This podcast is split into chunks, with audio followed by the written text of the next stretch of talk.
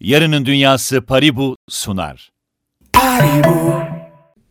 Efendim yarının gündemine hoş geldiniz. Her çarşamba olduğu gibi bu çarşambada birlikteyiz ve bugün önemli bir konuyu işliyor olacağız. ET Denver 2023'ün ardından Web3 nereye gidiyor e, konulu başlıklı konumuzu kendisiyle değerlendiriyor olacağız. Bizlerle kim var? Paribu Ventures direktörü Utku Dördüncü bizlerle birlikte. Utku hoş geldin. Hoş bulduk.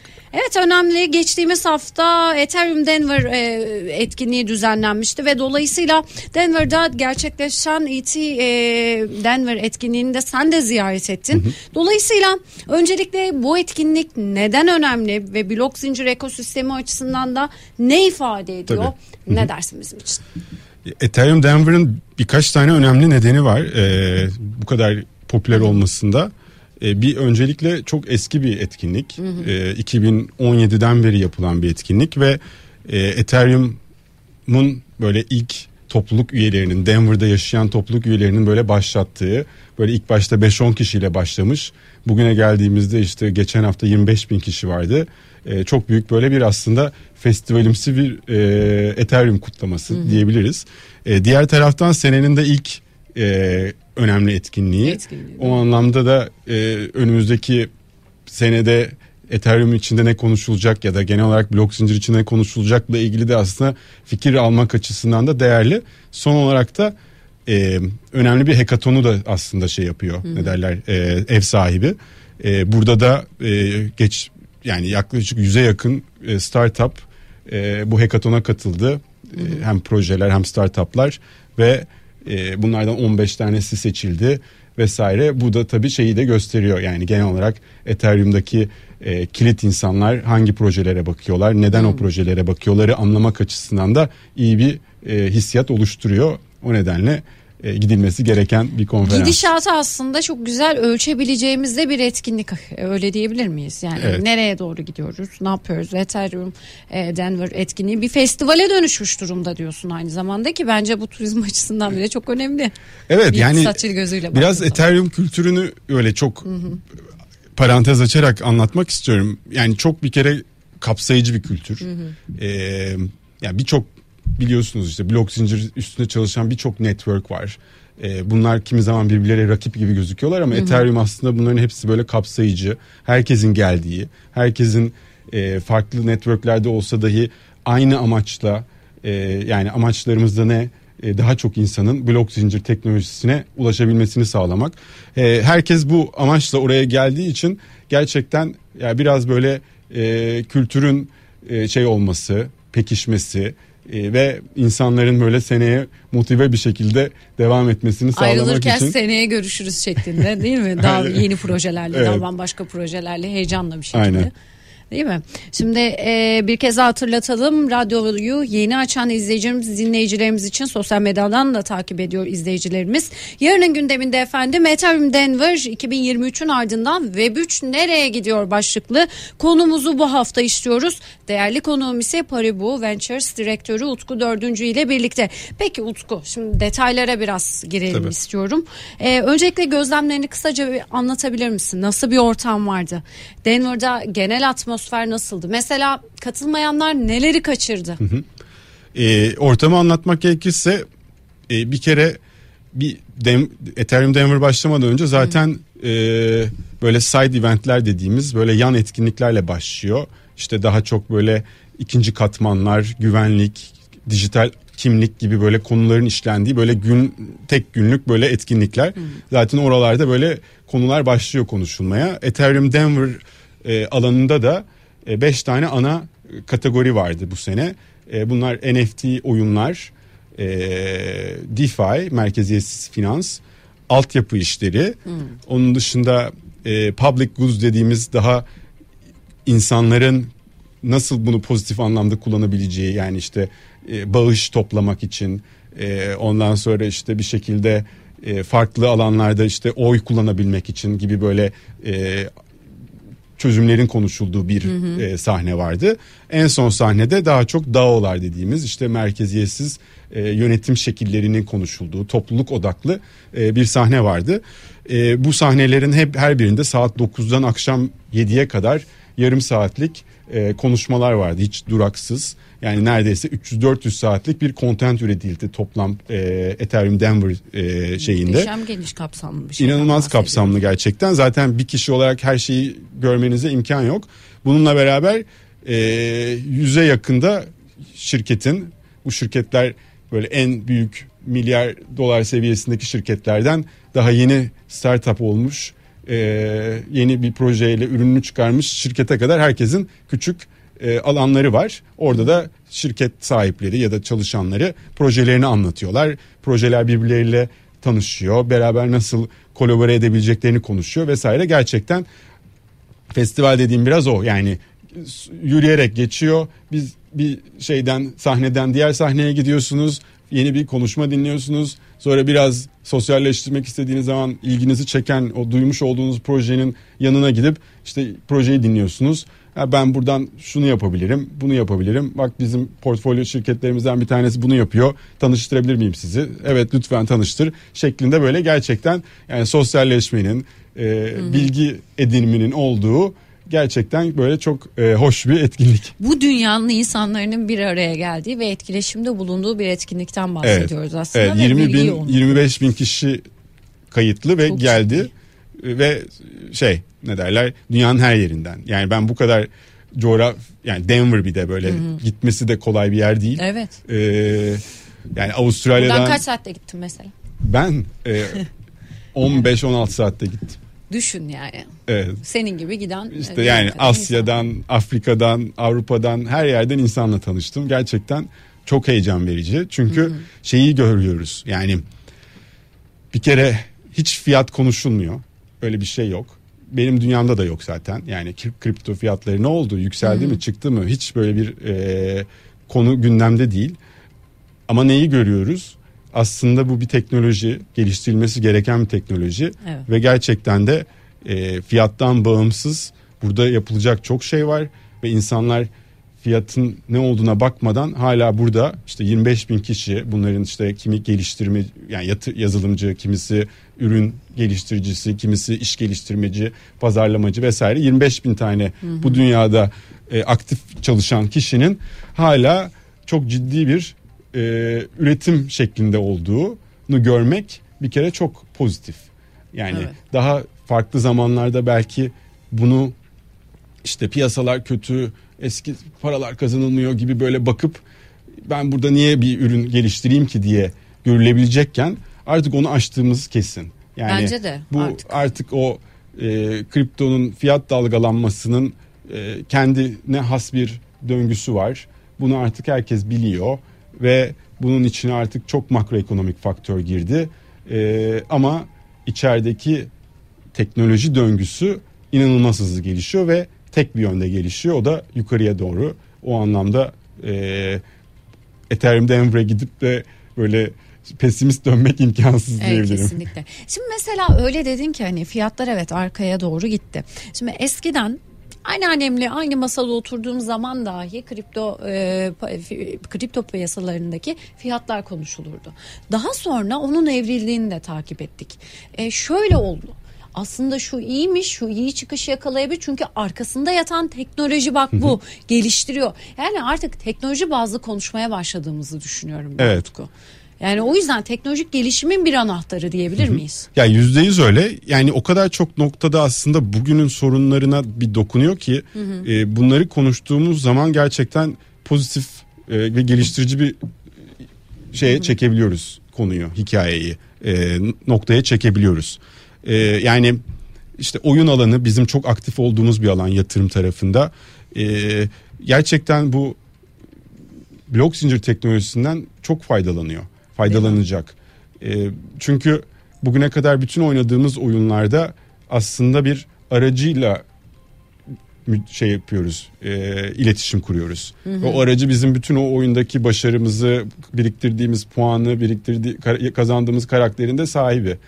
Bu problem değil. Bu zaten devam edecek. Ya bu... Bunun temelinde bile blok zincir var aslında diyoruz. Yani evet sen bu oyunu oynuyorsun ama bunun temeli blok zincire dayanıyor. Bunun işte. temelindeki blok zincire dayandığı nokta aslında oradaki sahiplik olgusunun hmm. kullanıcıya, oyuncuya geçirebilmesi. Hmm.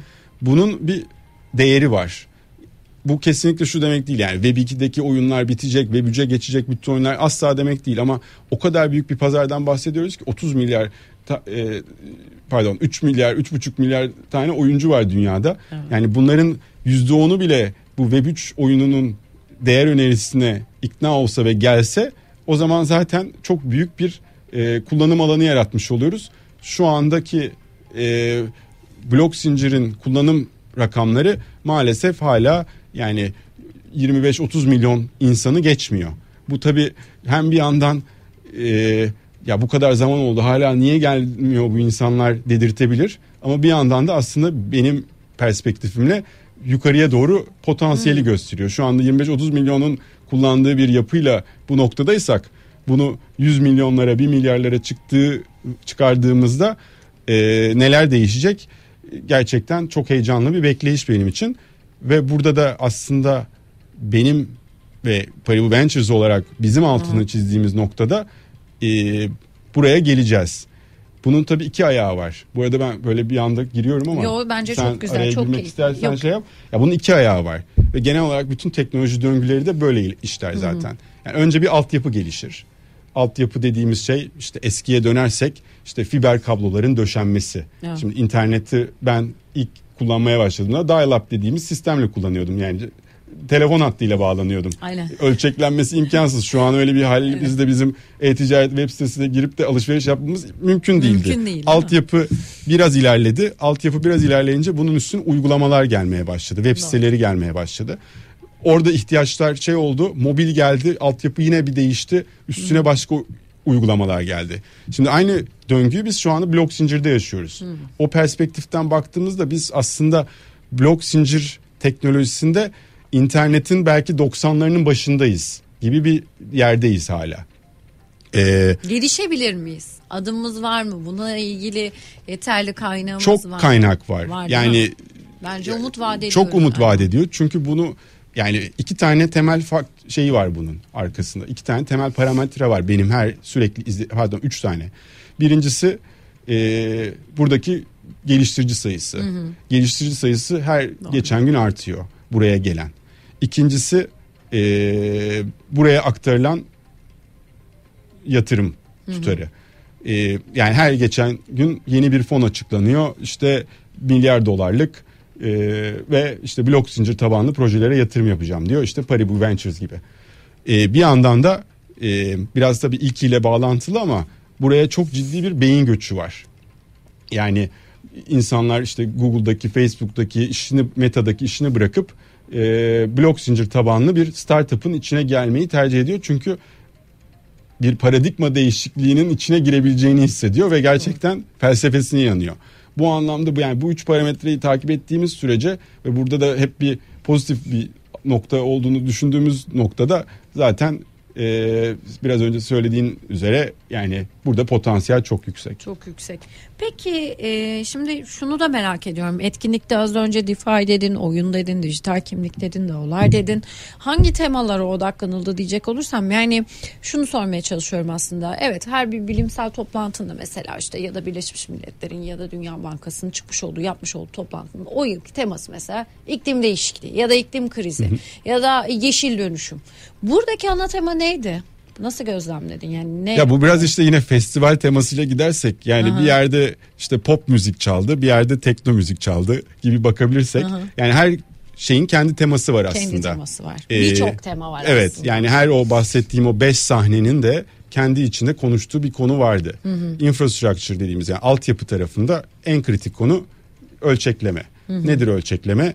Bizim şu anda kullandığımız işte Ethereum, Bitcoin gibi ağlar var. Hı hı. Bunların e, mimari yapısı e, şeye çok müsait değil. Ne derler? Milyonlarca insanın milyarlarca işlem yapmasına bugünkü haliyle izin vermiyorlar. O yüzden yeni katmanlar ortaya çıktı. İşte Tabii. ikinci katmanlar çıktı ya da işte farklı tek, birinci katman teknolojileriyle biz bu otoyolun e, şeritlerini arttırmaya çalışıyoruz. Yani en kritik konu bu şu anda. Hem bir yandan otoyolun şeritlerini arttırırken bir de bu otoyolun arasındaki bağlantıları kurmamız gerekiyor. Çünkü bunlar konuşacaklar birbirleriyle. Hmm. Ee, bir şeyi düşündüğümüz zaman bugünkü internet tecrübemizi evet. biz arkada şeyi bilmiyoruz. bir e-mail atıyoruz ama o e-mailin arkasında nasıl bir protokol çalışıyor bilmiyoruz ama e-maili biz arayüzden çok rahatlıkla herkes atabiliyor. Anneannem de atabiliyor, ben de atabiliyorum. Evet doğru. Ee, bir dünya gelecek ki artık zaten biz hiç Ethereum işte Bitcoin, e, Avalanche, Solana konuşmayacağız. O zaten ar- ar- arkada bir köprülerin bağlandığı bir yere dönecek. Biz arayüzde zaten internete girer gibi Web3'e gireceğiz ve oradan bütün işlemlerimizi yapacağız. Asıl yani en büyük tema infrastructure'da bu. Ee, oyun tarafına geldiğimiz zaman oyun tarafı da artık şeyin peşinde. Yani ben de onun peşindeyim. Hı hı. Ee, ne zaman artık kaliteli oyun gelecek bu dünyaya? Niye gelmiyor bugüne kadar? Gelmedi. Kaliteli değil mi oyunlar mesela? Şu andaki haliyle yani kaliteli oyunlar geliyor. Bizim de yatırım Hı. yaptıklarımız arasında gerçekten en önemli kriterimiz kaliteli oyun yaratmaları. Hı. Yani 3A dediğimiz ya da 2A dediğimiz şeyler. Maalesef kripto oyun dünyası maalesef de demeyeyim o an o gerekiyordu ama böyle bu işte değişik küçük hayvanlarla çıktı ortaya. Evet. Ee, şimdi adını bile hatırlamadığım böyle gar- şeyler. X Infinity evet, evet. gibi. Ya şimdi bunlar oyun değildi. Bunlar böyle bir e, şey getiri peşinde koşan hmm. bir bir nevi bir e, balıkçılıktı. Doğru. İnsanlar oraya oltasını Doğru atıyordu ve işte para topluyordu oradan. Ama o ancak işte şey gibi yani müzik çaldığı sürece dans ediyoruz ama durduğu anda bir anda altımızda sandalye yokmuş. Aa bu iş evet. Ponzi'ymiş şey döndü. Şimdi o yüzden artık bizim kaliteli oyunları buraya getirmemiz gerekiyor. Bu nasıl gelecek? Burada kullanıcıları nasıl hızlı bir şekilde biz Web3'e onboard edeceğiz? Yani e, çünkü şu anda işte App Store'dan giriyorsunuz, oyununuzu indiriyorsunuz, direkt oynamaya başlıyorsunuz. Bizde bir de bu oyunları işte bir cüzdanla bağlamak gerekiyor. Bu kullanıcı tecrübesi çok kritik. Orada da tema buydu. Yani hepsi hakkında bir şey söylerim ama benim asıl fokus alanlarım bunlar olduğu için Güzel. ikisi alanında bu temalar önemli. Efendim yarının gündeminde Ethereum Denver 2023'ün ardından Web3 nereye gidiyor konusunu işliyoruz ve değerli konuğum Paribu Ventures direktörü Utku Dördüncü ile birlikte. Utku şimdi merkeziyetsizlikten biraz bahsedelim. E, sen de az önce girizgah e, yaptın. Blok zincir ekosisteminde e, şüphesiz ki en önemli konu başlıklarımızdan biri. Ancak burada e, bir e, mutlak merkeziyetsizlik idealinden mi söz ediyoruz aslında? Hı hı. E, biraz buna ayrıntı ayrıntılı bir şekilde bilgi vermek lazım. Merkezi yapılar ve merkeziyetsizlik açısından dünyanın odağında neler var ya da bundan sonraki süreçte neler olacak? Nasıl bir dünyadayız? Ben böyle her şey merkezi olsun ya da her şey merkeziyetsiz olsun kampında değilim. Ee, ben bunların aslında bir spektrum içinde var olduğunu düşünüyorum. Ee, bazı yerler merkezi olmalı bazı yerler merkeziyetsiz olmalı. Ama çoğu aslında projede ortada bir yerde olacak. Bu da aslında kullanıcının talepleriyle gelişen bir şey. Ben yani bu aslında şeye e, yani blok zincirdeki bu üçlü sorun, üçlü temel sorun konseptine geliyor. Bu da işte ölçekleme, merkeziyetsizlik ve güvenlik. Evet. E, bu üçünü bir anda böyle en optimum seviyede olması e, biraz zor. Bu nedenle bazı bir tane yani ikisi oluyor ama bir tanesi olmuyor gibi. Yani merkeziyetsiz ve güvenli olduğunuz zaman e, ölçeklemeniz zor oluyor hmm. ve bu şekilde böyle bir aslında şey var. Ne derler? Bir e, bir bağlantı var. Hmm. Mesela bir oyun projesinde baktığımız zaman oyuncunun e, öz şeyinde istediği şey bir e, ölçeklensin. Yani hızlı bir şekilde ben oyunumu oynayayım. İki e, güvenli olsun. Hmm. Sistem güvenli olsun ki benim oradaki varlıklarım çalınmasın. Bunun içine merkeziyetsiz olmuş, merkezi olmuş konusu o oyuncu için geri planda olabilir. Demek ki o zaman oyunlarla ilgili aslında bizim yaratacağımız e, uygulama zincirinde böyle konseptler de var. Hı hı. Bir başka bir konuda e, başka bir toplantımızda bunu da konuşuruz. Mutlaka. E, ama mesela bir DeFi projesi, merkeziyetsiz finans projesinde de e, belki hız önemli değil. Yani ben o işlemi anında gerçekleştirmeyebilirim ama güvenli olsun. Varlığıma bir şey olmasın. Bir de e, yani varlığım hack edilmesin ve de e, bir şekilde bu platform bir anda şeyi kaparsa, dükkanı kaparsa benim paralar nereye gitti diye endişem olmasın. gibi. En büyük endişe. Bunlar bu şekilde bakılmalı diye düşünüyorum. Yani hepsini bir spektrum içinde hangi projede hangisi daha önemliyi bir yatırımcı olarak bir kullanıcı olarak değerlendirmek gerektiğini düşünüyorum. Yani her ikisinden de aslında vazgeçmek mümkün değil bir e, yatırımcı gözünden bakıldığı noktada diyorsun ama bir evet. dönüşüm de gerekiyor bunu da Tabii. net bir şekilde o ihtiyaç doğrultusunda görebiliyoruz. Yani Hı-hı. dünkü ihtiyacımız bugün bambaşka bir hale oluyor ve hal öyle olunca ihtiyacımızı giderebilmek için de bambaşka teknolojilere ihtiyaç duyuyoruz. Aynen. Peki Utku şimdi e, blok zincir üçlemi konusunu biz daha önce yarının gündemindeki e, diğer bölümlerde de işledik ayrıntılı bir şekilde. E, hal böyle olunca tabii etkinlikte bu konu ele alındı mı ya da alındıysa nasıl ele alındı? Bununla birlikte bu problemin çözümü konusunda yeni gelişmeler var mı? Ee, ya bununla ilgili böyle spesifik değil ama tabii bu üç yani üçgenin her köşesiyle ilgili tabii konuşmalar var. Hı hı. Yani özellikle ama tabii işin içinde e, yani en kritiği bunlardan güvenlik ve e, ne derler ölçekleme. Yani merkeziyetsizlik tabii ki önemli ama merkeziyetsizlik biraz daha zaten blok zincirin özünde olan bir konu olduğu için ve zamanla olan bir şey olduğu için yani her proje aslında zamanla kullanıcı kazandıkça validatör kazandıkça merkeziyetsizliğe doğru gidiyor. O nedenle biraz önce de söylediğim gibi ölçekleme e, diğer taraftan güvenlik. Hı hı. Bu güvenlik tarafı da e, özellikle işte bu köprüler biraz önce söylediğim gibi otoyollar arasındaki köprüler arasındaki güvenlik çok kritik. Çünkü bir yerden bir yere varlığınızı transfer ederken onun blok zincir teknolojisi içerisinde güvenli bir e, güvenli transferi hala e, çözülemeyen sorunlardan bir tanesi. Hmm. E, o nedenle de biz de böyle kendimizi geliştirirken ve projelerle tanışırken ağırlıklı olarak bu ölçekleme konularına bakanlara aynı zamanda işte bu iki network arasındaki iletişimi kuran yani bu köprü ilişkisini kuran ve bu, bu şekilde de güvenliği sağlayan yapıları e, özellikle e, hedeflemeye çalışıyoruz. Şimdi e, bir tarafta da aslında yurt dışındaki etkinliklere katılmanın en büyük faydalarından bir tanesi Türkiye'ye şöyle dönüp dışarıdan bakmak. Dolayısıyla e, uzaklaşıp baktığımız zaman Türkiye'deki durumun nasıl olduğuna dair de bir fikir sahibi olabiliyoruz. Dolayısıyla sen nasıl değerlendiriyorsun güncel bilgilerin almanın yanı sıra aslında bulunduğun yere e, dışarıdan dönüp baktığında Türkiye şu an nerede? evet büyük bir potansiyel olduğundan bahsettik evet. ama şu an andaki fiiliyatımız nedir aslında? Türkiye'yi onlar nasıl görüyor da ilginç bir perspektifti. Bence de aslında. Ee, o genelde konuştuğumda e, herkes bir kere bütün projeler böyle bir Türkiye'den olduğumu söylediğim zaman böyle bir heyecanla karşılıyor. Öyle mi? Evet çünkü bizim böyle bir e, Türkiye'de bir kripto topluluğu var ve bunlar gerçekten böyle e, her projeyi böyle deneyen e, bir şekilde bunlarla iletişim kuran işte onların iletişim kanallarına giren böyle bir topluluğumuz var.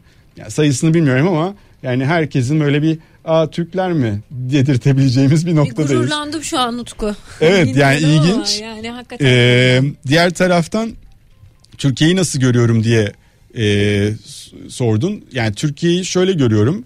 Yani biz tabii e, daha teknoloji üretmeliyiz. Yani hmm. bu aslında yani sırf blok zincir özelinde değil bence yani her alanda aslında geçerli bir yorum. Ee, bizim kuvvetli olduğumuz yerler var. Ee, o da zaten bence e, şeyden geliyor yani 2000'lerin başından beri işte Türkiye'deki oyun sektörünün gelişmişliği evet. e, Web3'te de yansıyor. Web3'te gerçekten e, oyun tarafında da iyi projeler çıkartıyoruz. Hı hı. E, diğer bahsettiğim benim de fokusumda olan alanlar yani işte bu ölçekleme, güvenlik gibi alanlar ya biraz daha böyle üniversitelerin, üniversitedeki akademik insanların, onların altındaki e, işte belki doktor öğrencilerinin vesaire böyle bunlarla gelişmesi gereken, bunların filizlendirilmesi gereken bir durum. Orada da tabii Paribu Ventures'a da bir görev düşüyor. Yani orada da bunu e, kesinlikle ayrı bir tarafa koymuyorum. Ne hedefliyorsunuz? Yani bizim de aslında ne odaklıyorsunuz Paribu Ventures olarak? Ya biz yani ağırlıklı olarak işte bugüne kadar 18 yatırım yaptık. Bunların 9'u oyun alanında. E, oyun bizim kesinlikle böyle güçlü olmak istediğimiz ve olduğumuz bir yer.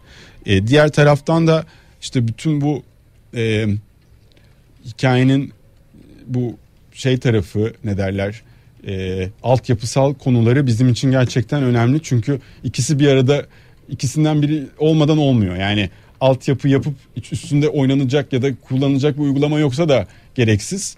Onu yapıp 100 milyonlara hitap edecek bir oyun yaratıp altta da onu kaldıracak bir altyapı olmayınca da hiçbir şey yaramıyor. İkisi bir çok önemli olduğu için biz hem böyle biraz tüketici odaklı o oyunlara bakalım ya da işte projelere bakalım ama bir yandan da e, altyapı işlerini takip edelim noktasındayız. Kaliteli oyunlar dediğimiz noktada e, ki en büyük kriterlerden bir tanesi mesela bu mu oluyor? Nasıl? Yani kaliteli oyun az önce dedin ya biraz daha kaliteli oyun olsun Hı-hı. istiyoruz bu bağlamda diye. Mesela e, bu anlamda yatırım yaparken siz o kaliteli derken neyi esas alıyorsunuz? Ee, yani tabii bizim yatırım yaptığımız esna çok erken aşama olduğu için yani biz Hı-hı. bir oyunu görmeden yapıyoruz aslında yatırımı. Öyle mi? O anlamda biz aslında takımın geçmişine, takımın kurduğu yapıya ve böyle daha önceki tecrübesine çok e, önem veriyoruz. Yani en ağırlıklı baktığımız yer orası oluyor. Onun dışında da yani iyi bir oyunun aslında belli bir formülü var zaten. Var Ee, yani gerek yani hem onu içer, gördüğün anda anlayabiliyorsun. Yani onu zaten. evet bir şekilde onu hissedebiliyorsun. Evet. Yani biz de orada e, dediğim gibi yani oyun ve tüketici odaklı uygulamalara aktif yatırım yaparken tabii Paribu'nun verdiği bir güç de var orada. Tabii. Yani 6 milyonluk bir kullanıcı kitlesi projeler için de ilginç bir hale e, geliyor. Diğer taraftan da o bahsettiğim altyapı güvenlik konularında da şeyi yani Türkiye'de nasıl böyle bir ekosistem yaratırız? Bununla ilgili projeler nasıl çıkarla ilgili de e, ne yapmamız gerektiğini kendi içimizde konuşuyoruz. Yani nasıl destekleyebiliriz bu projelerin çıkmasını e, gibi. Bu da ayrı bir e, yine e, benim 2023'teki hedeflediğim noktalardan bir tanesi. Ekosistemin gelişmesi anlamında Paribu Ventures'ın aslında önemli atılımları da 2023 içerisinde de olacak diyorsun. Umarım evet. Evet. evet şimdi e, bir diğer e, konum ise blok zincir e, teknolojisiyle inovasyon yapmayı ve problemlere yaratıcı fikirler geliştirmeyi hedefleyenler mutlaka şu an bizi dinliyor ve sosyal medyadan ise izliyordur. Onlara ne önerirsin Utku? Ya onların önereceğim yani bize ulaşın bize yazından ziyade yani öncelikle gerçekten e, neyi hedeflediklerini iyi düş, kurgulamaları gerekiyor. Yani burada çok şey görüyoruz. Bir şekilde e, işte o proje başarılı olmuş. Ha ben de hemen onun bir benzerini yapayım. Gibi bir e, çok benzer temaları işlemek artık e, yani yatırımcı perspektifinde bir, bir şey ifade etmiyor. Anlamı kalmadı yani değil mi? çok deli yani, bir fikir olsun, çok he, şey olsun ama ilk olsun, ilk yeni olsun ve sen bir şekilde onu nasıl yapacağını e, dan emin ol. Ya bence en kritik şey bu. E, biz o anlamda böyle gerçekten yani girişimcinin o işi nasıl yapabileceğine inanmak istiyoruz her şeyden önce. Çünkü çok erken aşamada yapıyoruz. Gerçekten yani ürün olmadığı noktalarda biz fikirlerle beraberken oralara geldiğimiz için yani o neyi en iyi yapabileceklerse ona fokus olmaları gerektiğini hı hı. düşünüyorum. Ya onun dışında da tabii yani onlarca faktör var dikkat edilmesi gereken ama e, şeye katılmadan böyle trendlere işte hype olan konulara kapılmadan ya ben bunu çok iyi yaparım ve en iyi yaparım dediği yer neresiyse oraya kanalize olmaları gerekiyor. Peki e, şimdi şunu da sormak istiyorum. Son aklıma takıldı. Etkinliği konuştuk. E, Ethereum Denver'ı konuştuk. Ve 25 bin katılımcıdan bahsettik. Böyle festivaller ben hep yıllardır söylerim. Türkiye'de böyle bir şey yok mu? Madem bu kadar büyük bir potansiyeliz. Mesela Paribu Paribu'dan ben böyle bir şey talep edeyim. Yani aslında sizler yapabilirsiniz bunu. Yani hem Türkiye'nin e, tanıtımı açısından da önemli. Hem yapabiliriz yani. hem de çok farklı aslında. Ethereum Denver'ın bu topluluk çıkışlı olmasının altını çizdim zaten hı ilk hı. ilk konuş ilk e, maddede de. E, bizim de aslında burada yapmamız gereken ve belki Paribu'nun desteklemesi gereken yani buradaki kripto topluluğunun, blok zincir topluluklarının bu işi yapmasını, yani, bunun tabii. alttan gelmesi tabii. gerekiyor ki o 25 bin kişiye e, dokunulabilsin. Bence yapılabilir bu. Yani Bence Türkiye'de böyle işte bir fırsat zaten, ve potansiyel var ve dünyanın birçok yerinden konumumuzun değerli olması Bu sene Ethereum İstanbul Türkiye'de gerçek. Ethereum İstanbul Türkiye'de gerçekleşecek tabii ki Türkiye'de gerçekleşecek. Ethereum İstanbul olacak Mayıs evet. ayında. Aa çok güzel. E, o bence önemli bir şey. Süper. E, konu. Oradaki topluluğun Hı-hı. o işi sahiplenmesi, oraya iyi projelerle katılmamız e, çok Muhteşem. kritik.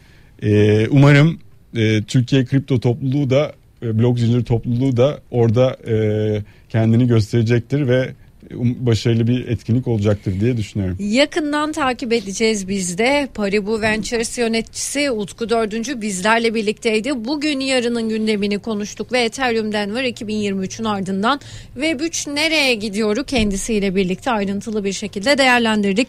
Utku çok teşekkür ediyorum. Ben teşekkür ederim. Ee, bir dahaki programda daha derinlemesine ve cevaplayamadığımız soruları da cevaplamak Aynen. ümidiyle diyorum. Çok çok teşekkür ediyorum. Ağzına sağlık diyorum. Efendim yarının gündeminde haftaya görüşmek dileğiyle. Hoşçakalın. Kendinize iyi bakın. Yarının Dünyası Paribu sundu. Paribu.